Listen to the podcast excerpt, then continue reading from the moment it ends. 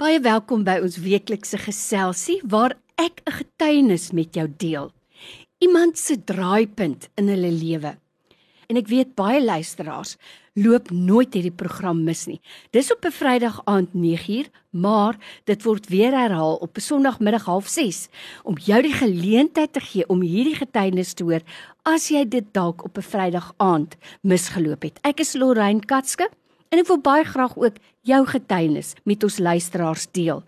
So stuur net vir my SMS na 32716. Dit kos R1 met die woord draaipunt of anders stuur vir my WhatsApp 0844104104 en dan bel ons ook vir jou. Jy het dalk nog nooit 'n kind verloor in jou lewe nie. So dis miskien vir jou moeilik om jou in so 'n persoon se situasie in te dink. Ek weet wat dit is. Maar ek glo dat selfs al het jy dit nog nooit ervaar nie, kan jy vandag ook met ons saam juig oor die hand van die Here wat ook in daai moeilike omstandighede by ons is en oor ons is. Nou by my in die ateljee is Amanda Hatting. Sy's 'n besige vrou en sy's gedurig deur besig om uit te reik na mense toe. Eintlik sou ek sê sy kyk na jou Amanda, jou lewe bestaan daaruit om ander mense te help. En toe kom daar daardie dag wat jy self hulp nodig gehad het en ek het dit al gesê, as dit nie vir die Here was nie, dan weet ek nie hoe kom 'n mens deur so 'n situasie nie. Vertel vir ons jou storie. Ek wil julle almal groet in die wonderlike naam van ons Here Jesus Christus. En wat 'n voorreg is dit om by Radio Tygerberg te wees wat ook 'n groot rol in my lewe gespeel het. En ek glo soos in Openbaring sê by the word of your testimony and by the blood of Jesus you've Amen. been set free. Mm. En en you totally free. En dit is wonderlik dat 'n mens dit wat waar jy deur gegaan het kan jy met ander deel want dit skep hoop. En mm. ons moet in hierdie nasie wees, daar is hoop. So ek gaan jou 'n bietjie van my storie vertel. Ek gaan nie by insidente vashak nie, maar ek gaan vertel van die wat die Here my gehelp het. Ek het in 'n huwelik gewees waar ontsettende baie geweld betrokke was. Maar die Here loop met jou 'n pad. En ons maak baie keer verkeerde besluite in ons lewe want ons dink baie keer jy gaan iemand tot redding bring as jy tot redding is as jy met hom trou en dit is so 'n groot fout. Maar die Here bring soms daai mense tot redding as jy aanhou aanhou bid en ons moet nie ophou bid en so deur my tydperk van my lewe het die Here gewoonlik 'n lig aan my gegee. Wat 'n lig in die vertrek gewees in die nag en ek kon sy teenwoordigheid ervaar. En my seun was ook baie mishandel, eintlik ons hele gesin maar is moeilike tye en jou kind deur fases gegaan in jou lewe waar regtig waar, waar wapens betrokke is mm. en en voorwerpe soos messe betrokke is en jy's in die polisie 'n kolonel gewees en jy besef net daar's baie keer wanneer jy niks kan doen nie en jy help ander wat in nood is maar jouself kan jy nie help nie. Jy weet Amanda hoe ironies is dit nie? 'n kolonel in die polisie maar jy's 'n slagoffer van geweld. En weet wat Jou storie is nie uniek nie. Hier's mense wat nou na ons luister wat in dieselfde omstandighede is wat ook ly daaronder.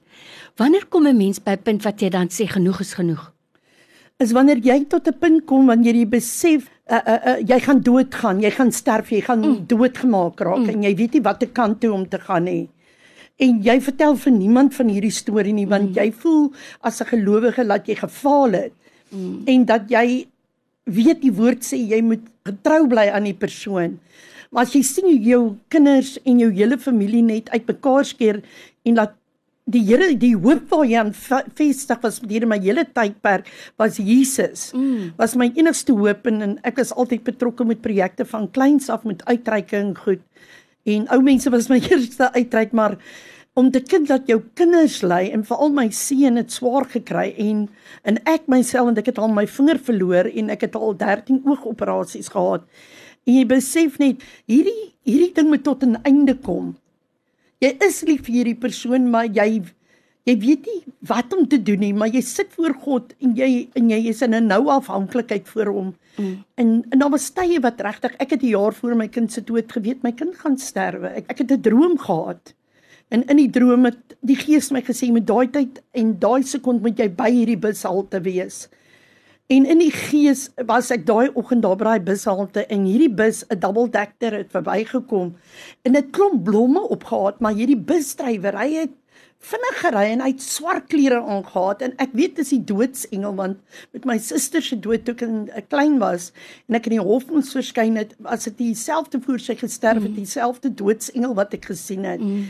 en um, my seun het uitgang by die bus en hy het net geskree mamma ek is lief vir jou en dit was op die 365ste dag wat my kind gesterwe het waar hy na die matrikas kyk dood by my huis aangebring was in sy matrikas kyk klere in 2002. Ek het nooit my storie vertel nie want die Heilige Gees het vir my uitdruklik bekend gemaak ek hy wil my gebruik in sy tyd. En die Here het my 'n woord geleer en jammer ek moet dit nou in Engels sê. Hy sê be content. Be content Amanda. Ek het seker vir 2 jaar gehuil en ek was 'n jeugleier en ek was in die polisie betrokke met jeuggemeenskap baie gedoen en ek moes ook kinders Lesotho toe vat.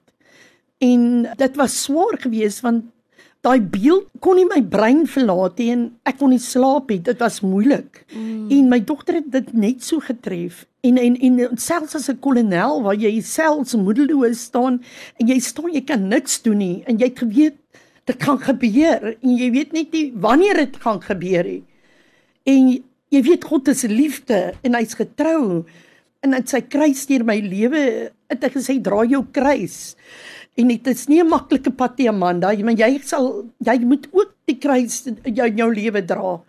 Nou by my in die ateljee vandag het ek vir Amanda Hatting met 'n verhaal wat regtig vir my persoonlik en ek dink vir elke ouer wat kinders het 'n moeilike een is. Was dit nie vir die Here nie, dan was hierdie vandag nie 'n storie van hoop nie, maar 'n storie van wanhoop. As 'n ouer, maar ook 'n persoon wat in autoriteit staan wat gereeld met geweldsmisdaad te doen kry, moet jy nou die liggaam van jou eie kind ontvang. Mm. Hoe praat 'n mens in so 'n omstandigheid met die Here? Ek weet nie eens waar begin 'n mens nie, watte woorde. Ek moes my kind se matrikas kyk klere was in sy harsings was alles op die klere gewees. Oh.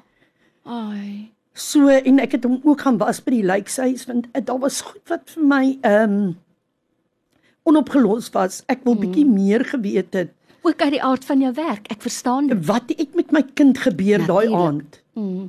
En jy begin ondersoek neem en jy begin amper half tot hy geregtigheid kom want al die tyd jy stil gebly en skielik weet jy nie hoe om dit hanteer nie want dit is jy kan ander mense help maar nie jouself nie. Mm. Jy staan by daai punt wat jy voor God staan en jy sê vir hom wat ek kan doen. Ek kan nie meer nie.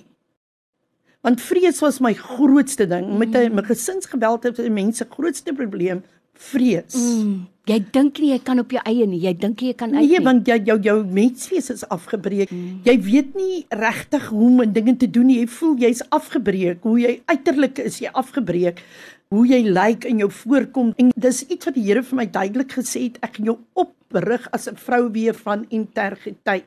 En jy moes ook vergewe het in een proses want ek het met jou gewerk en ons was op pad Lesotho toe tydens gedurende daai tyd.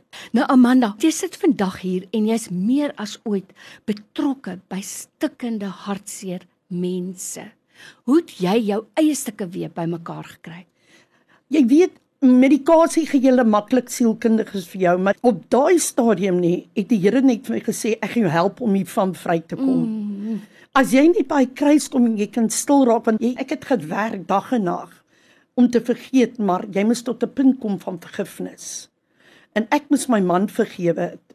Want die een wat eerste vergewe het sy voete gebuig voor die meester. In tydens daai uitreik na Lesotho tussen 1200 en 300 kinders as dit meer was het tot redding gekom. Ons het hande opgelê in George Warren as ek hom met doen as 'n dokter by Panorama gewees, 'n uroloog. En sy vrou het gesterf en ek het gesê jy moenie nou soos 'n dokter dinkie. Maar ons het begin sing en ek en die kinders en ek sê lê jou hande op hierdie man. Oh. En en weet jy die volgende dag, toe kom hierdie man en hy loop in Dirkie die hy was in graad 4 of 6 gewees en hy lees uit die Bybel uit en hy, hy sê ek het 'n woord van die Here ontvang. Mm. En hier kom hierdie man in die hele gemeenskap en hulle juig en, en ons sien maar dis die man wat ons voorgebid het loop hier na die maande. En die wow. Here het dit net gebed verhoor. Mm.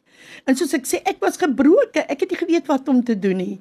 Ek wil net noem dat tydens daai tyd nê, het die Here my geweldigheid my nie laat verlaat waarmee ek besig was sê.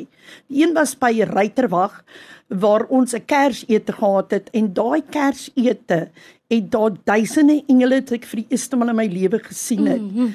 En dit is of die Here my kom vertroos het. September het dit gebeur en hier kom die Here Desember ai, en hy vertroos ai, my. Ai. En ek het by Tygerberg Hospitaal skool in Brooklyn 8 en 'n half jaar musiek en dans en konserte en uitreike gedoen. En hoe die Here dit gebruik het om my te vertroos en ek het straatmense in my huis gelaat en gewas, hare geknip. die Here het net mense gestuur en dit was enorme en nou op die oomblik is ons besig met die uitreik onder straatmense en hulle bemagtig met disipelskap. Mm. Nou ek het juis van 'n uitreik. Vandag sou my kind 39 gewees het. En so dis 'n celebration of life. Amen. Amen.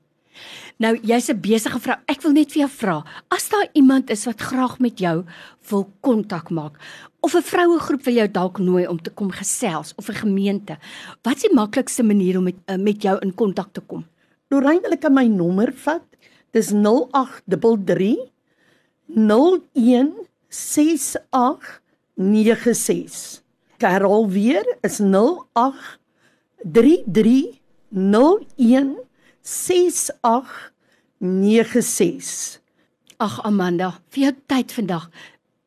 Baie dankie. Jy het sommer vir my ook weer bemoedig. Sommer net ook vir my weer energie gegee om die werk van die Here te doen. Dankie man. Dankie, ons waardeer dit. Dankie aan al die luisteraars en en hou jou oë op Jesus. Hy's die enigste hoop en alle eer gaan hom net toe wat ek doen want hy het gesê jy you will run the race with endurance. Amen. En hy het my daai woord gegee in Jesaja 55 vers 10, 11 en 12 om daagliks oor my lewe uit te spreek. En die Here is besig om iets onder die jonger generasie te doen. So hou vas, moenie moed verloor nie. Ja, sy en ek wil sommer vir jou vra as luisteraar, bid vir Amanda Hatang dat die Here vir haar nog baie energie sal gee, lang jare sal gee, haar grondgebied sal vergroot, alles tot eer van sy naam. Dankie. Dankie.